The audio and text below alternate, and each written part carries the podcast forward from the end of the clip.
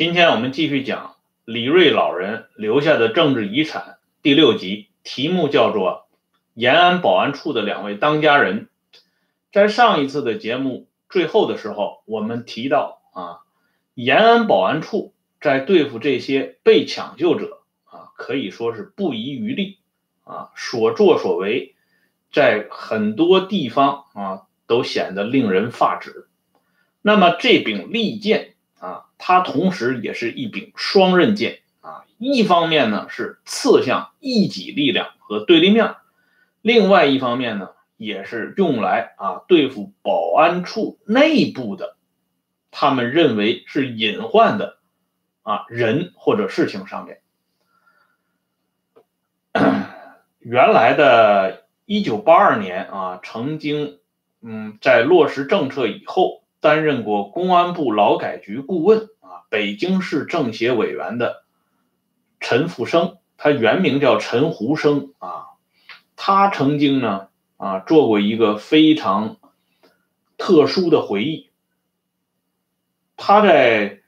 啊上个世纪三十年代后期到四十年代，曾经担任过保安处的侦查部部长，可以说是当时啊延安保安处。周兴、谭正文手下的一员得力的干将啊，不过呢，当陈复生啊接到保安处调他去担任侦察部部长的这个任命之前啊，杨尚昆呢也知道了这个消息，所以呢，杨尚昆对陈复生啊曾经提出一个非常善意的建议啊，认为陈复生这个人不适合。到保安处这个机关里去工作啊，杨尚昆呢非常委婉的啊表达了自己的这个反对意见。从杨尚昆的啊这种不便于直言相告的啊这个建议当中，我们也可以看出啊，保安处这趟浑水啊不是哪一个人啊想趟就可以趟的。陈复生的经历呢，可以说也是比较特殊的啊，因为陈复生在江西苏区时代啊，是曾经深受啊红三军团政治保卫局局长张纯清的赏识啊，这也就是他为什么啊被延安保安处点名给要过去的啊历史源头。可是呢，就是这么一个啊，本身也颇有背景的啊，这个陈复生，到了保安处以后呢，啊，尽管在工作上做的是一丝不苟啊，滴水不漏，可是呢，很快啊就被保安处内部的负责人一脚啊给踢到了监狱里边。这个过程呢。很有意思啊！陈复生自己回忆，他到了保安处之后，发现了有一件事情啊，什么事情呢？就是当时由延安保安处控制的陕北饭店，这个陕北饭店呢，名义上是饭店，实际上是保安处啊向外延伸的一个触角啊，是专门啊。窥测各方面动静的这么一个小据点儿啊，这个陕北饭店的负责人啊，向陈福生报告说呢，在这个陕北饭店里边发现有人进行这个鸦片的交易啊，希望这个陈福生马上介入这件事儿。陈福生呢，他本职工作就是搞侦查。这个讯问的嘛，啊，所以呢，他也根本没有往深了想啊，直接就带人把这件事给接了过来。陈福生这个人脑子很聪明啊，三下五除二就把这个事情的原委给了解清楚了。可是当他了解清楚以后啊，这个一条啊啊即将勒住他脖子的绳索也就伸了过来。为什么这么讲呢？因为这个贩卖鸦片的源头不是别人，正是陈复生的顶头上级啊，就是保安处的负责人。保安处的负责人专门派人啊到外边啊去搞来鸦片，然后呢拿到延安地区来卖。这个外边指的是哪儿呢？就是陕西三边地区啊。而且呢，这么搞呢，已经不是第一次了啊。这一次被陈福生给撞上的时间呢，是一九三七年四月份啊。这个具体指派的是当时保安处的一个科长，叫杨元珍啊。这已经是杨元珍跑第二次了啊。这件事掀出来以后呢，陈福生这个人啊，很耿直啊，他就把这件事给捅了出来。捅出来以后呢，啊，事情就变大了。这样呢，保安处的这位负责人不仅啊没有主动承担责任，反而把这盆脏水呢完完整整的扣到了陈福生的头上。后来又因为陈福生在审理张醒一案上啊，直接开罪了中央社会部部长康生。这样呢，两条罪状啊。就把这个陈福生啊死死的给捆住了啊！陈福生最后是以贩卖鸦片的罪名被判了若干年的徒刑啊！这样呢，一个啊曾经在江西时代就奋战在政治保卫第一线的啊骨干人员，就这样啊一下子成了阶下囚了。他成了阶下囚不要紧啊，他的妻子啊薛玉兰也跟着吃了瓜烙，而且呢还受到了啊人们意想不到的侮辱和摧残。我们都知道啊，李瑞老人呢，他在延安受审期间啊，有人呢利用啊李瑞被审查的这个空隙啊，同李瑞的家属。搞到了一起啊！这个事情呢，李南央曾经做过专门的介绍啊，我们这里就不多说了，大家也知道这个人是谁啊。但是呢，我们可以说啊，邓丽群与范元贞之间的事情呢，还可以啊勉强归结到啊，就是说两个人啊进行这个呃语言上的沟通之后。最后呢，散发出来的这一种特殊的情愫造成的啊。可是呢，作为延安保安处的骨干，侦查部部长陈复生，他被捕以后啊，居然在这个保安处内部有一个重量级的人物啊，直接就要用强暴的手段来祸害和侮辱。陈复生的妻子薛玉兰啊，薛玉兰呢可以说是抵死抗争，坚决不答应啊。这个人呢就恶狠狠的 告诉陈玉兰说：“你不要做梦了啊！中央社会部的领导同志已经讲了，陈复生绝不会活着回来了啊。”这是薛玉兰后来啊向陈复生复述的原话。这个人呢，啊，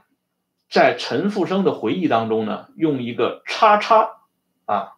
来表示啊，这是回忆史料当中呢经常出现的啊，比如说是为一些尊者会呀，为贤者会呀，或者是不愿意惹上一些不必要的麻烦的时候惯用的手段。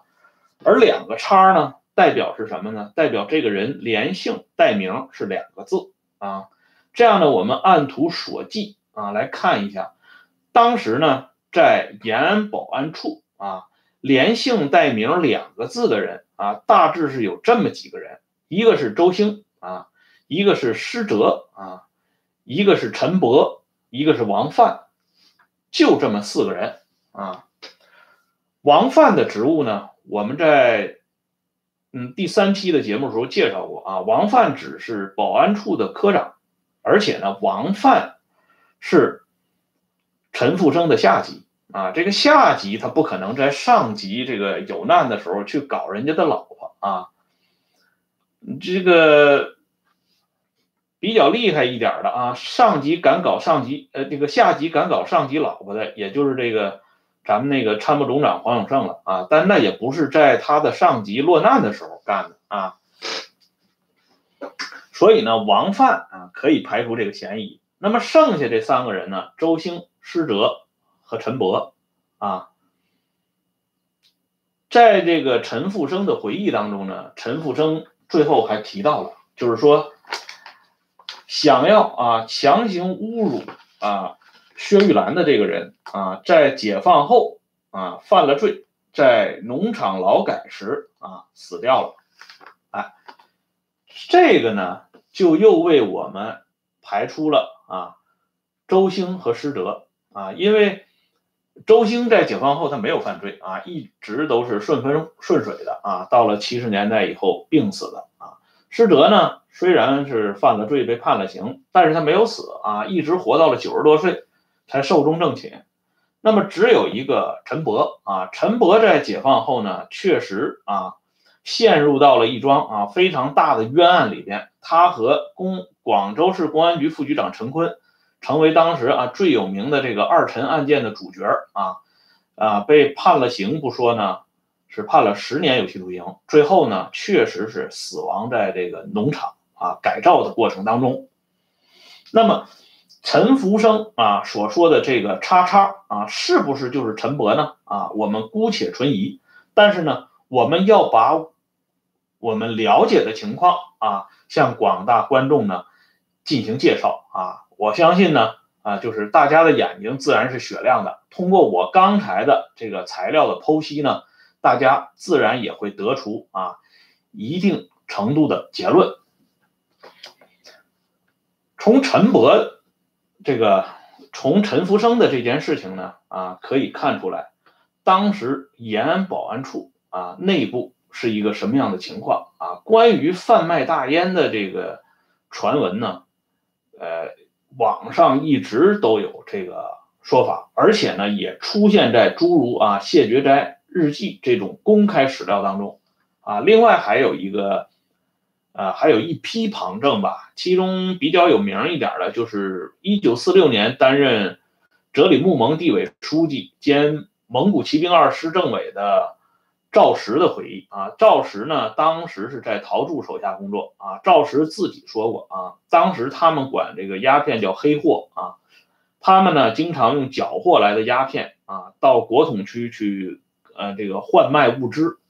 黑货呢，这个掌握呢，一般都是由一定级别的领导直接啊掌握。赵石本人呢，还是因为黑货这件事儿啊，在这个计算上有差异，曾经受到陶铸的来信的追问啊。由此可见呢，这个鸦片贩卖啊，这是一个很深的黑洞。我们这里呢，不想过多的进行解读啊，只是通过这件事儿折射出保安处内部的些许黑幕啊。这时候呢，我们提到这个延安保安处的负责人周兴啊，周兴呢到死啊，毛泽东一般称呼周兴是周处长啊啊，或者是周兴同志的时候称呼周兴为周处长。这个称呼周兴为周处长啊，周兴呢本人非但啊没有丝毫的失落感啊，反而呢怡然自得啊，有自豪感啊，这个。理由呢？我之前已经讲过了，就像蒋介石一直称呼戴笠为戴科长一样，这种称呼呢，不是降低被称呼者的身份，反而表达了啊，这个主子啊和这个奴才之之间这种深厚的渊源和关系，是外人啊完全无法比拟的。毛泽东啊多次公开称呼保安处另外一位副处长许建国为杜立清啊。许建国本名叫杜立清啊，他在江西肃反时期啊，曾经受到毛泽东秘书江华的救助啊，得以免做刀下之鬼啊。毛泽东呢，在许建国改名之后啊，一直还是直呼其旧名杜立清啊，这让许建国在官场当中呢，又披上了一层啊，这个非常得意的颜色啊，这都是属于啊。当时的一种啊潜在的啊小游戏。而在这个原保安处啊周兴之下呢，还有几位副处长啊，值得一提的呢是，比如说谭正文啊，演讲啊，还有呢就是刚才说的许建国，还有一位副处长叫刘炳温，还有呢叫刘海滨。这个刘海滨呢，大家肯定是不熟悉了这个名字。但是刘海滨后来与胡耀邦结为儿女亲家啊。刘海滨的儿子啊娶了胡耀邦的女儿啊。这个刘海滨的儿子呢，后来还曾经被授予上将军衔啊。在这个保安处当中啊，实际上是有两位当家人的，一个是这处长周兴，再一个就是这位副处长兼政治处主任的谭正文。关于谭正文这个人的来路啊，他在延安时期在保安处主政期间，他到底是扮演一个什么样的角色啊？有着什么样的地位？李瑞老人啊，为我们留下了一条非常珍贵的回忆史料啊。李瑞是这么回忆的啊，他说那个时候谭立夫的父亲谭正文也在保安处工作，他是从江西出来的，还写。写了一本相当训学啊，是社会部系统内部的东西。关于这本审讯学啊，李瑞将其定性为唯心主义啊，应该说这个定性是相当温和的了啊。实际上，它不仅是唯心主义啊，实简直就是逼供信的翻版啊，或者说是逼供信的啊理论版啊。谭正文。不比周兴啊，周兴呢，在李瑞的回忆当中啊，他那是亲自拿着棍子打人啊啊，完全是扮演了一个打手的这个这个角色。可是谭正文呢，从来是不干这种事情的啊。谭正文的高超之处啊，是体现在他如何把这个审讯的这个东西啊，演练到炉火纯青的地步，并将其总结并上升到理论的高度。这一本审讯学啊，深得中央高层的重视。重视。谭正文的老婆姜鹏呢回忆，在延安搞的那个第一期特训班的时候，有三个人负责授课啊，一个人是这个保安处的处长周兴，主要是讲啊国民党特务的活动的一些概况；再一个呢是中央社会部部长康生，主讲反托派斗争。最后呢，就是这位谭正文啊，集中讲述他的这个小册子《审讯学》，可见呢，谭正文的这个地位是举足轻重的啊。谭正文也是毛泽东非常信赖的啊，政治保卫战线上的骨干。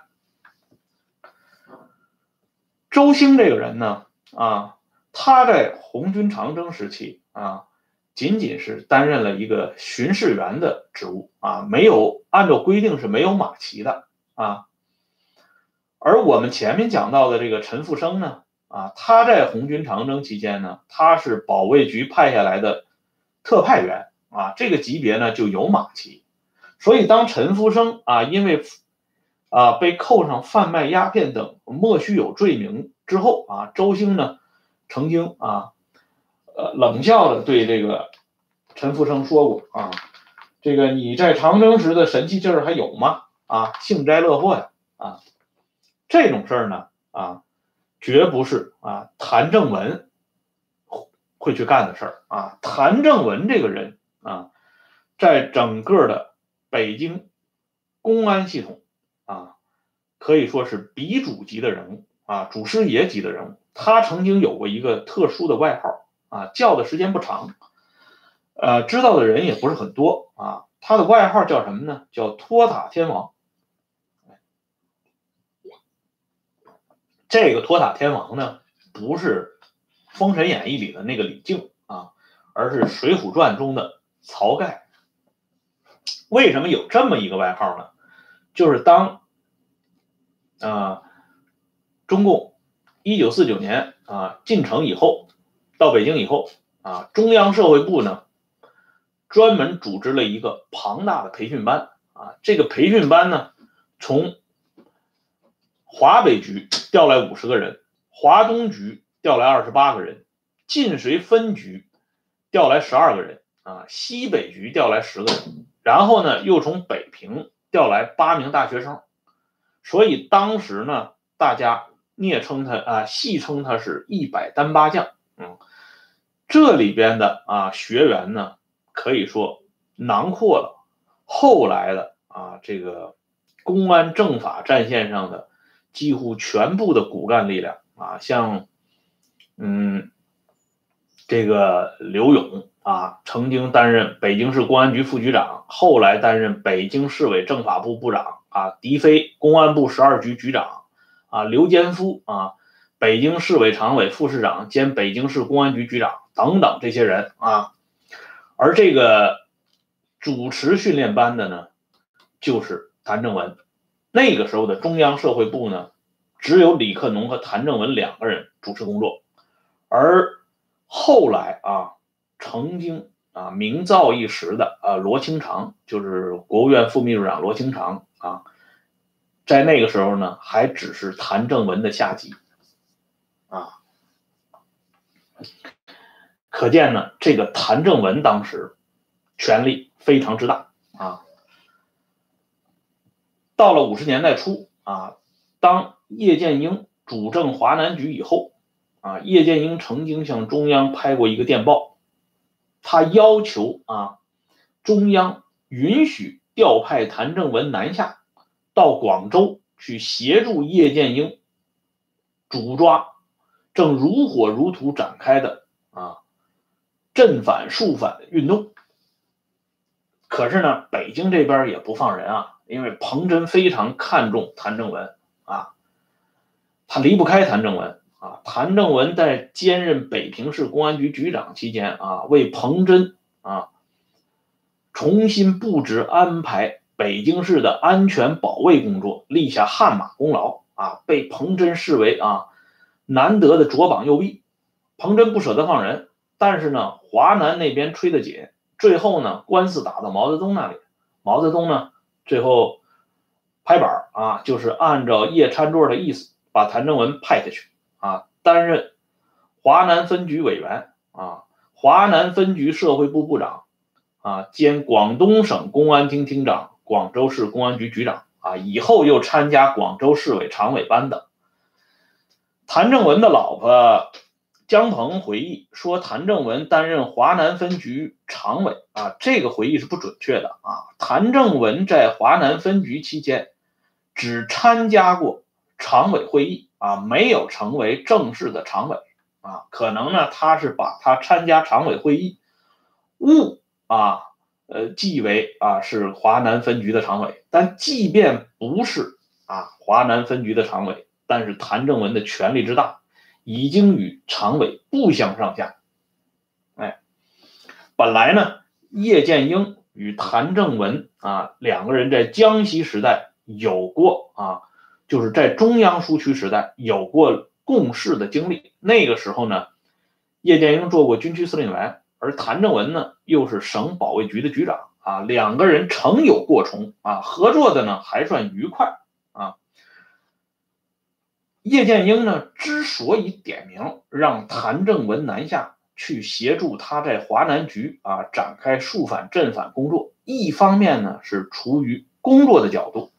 另外一方面呢啊也是叶剑英更深一层次的这个考量啊。应该说呢，毛泽东对叶剑英的评价说他是啊。诸葛一生唯谨慎，屡端大事不糊涂啊！特别是这个“屡端大事不糊涂”这句话啊，评价叶剑英是相当精准的啊。叶这个人啊，尽管也是出身于啊中央苏区，但是他并非是毛的嫡系啊。而且当时华南分局的这个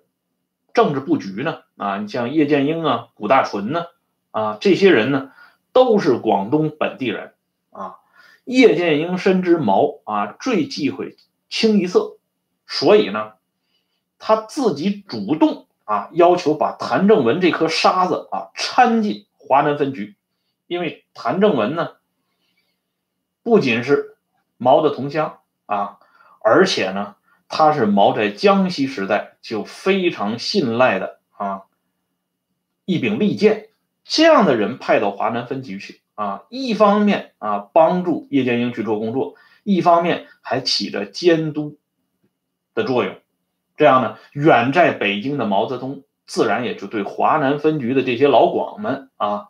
放心了啊。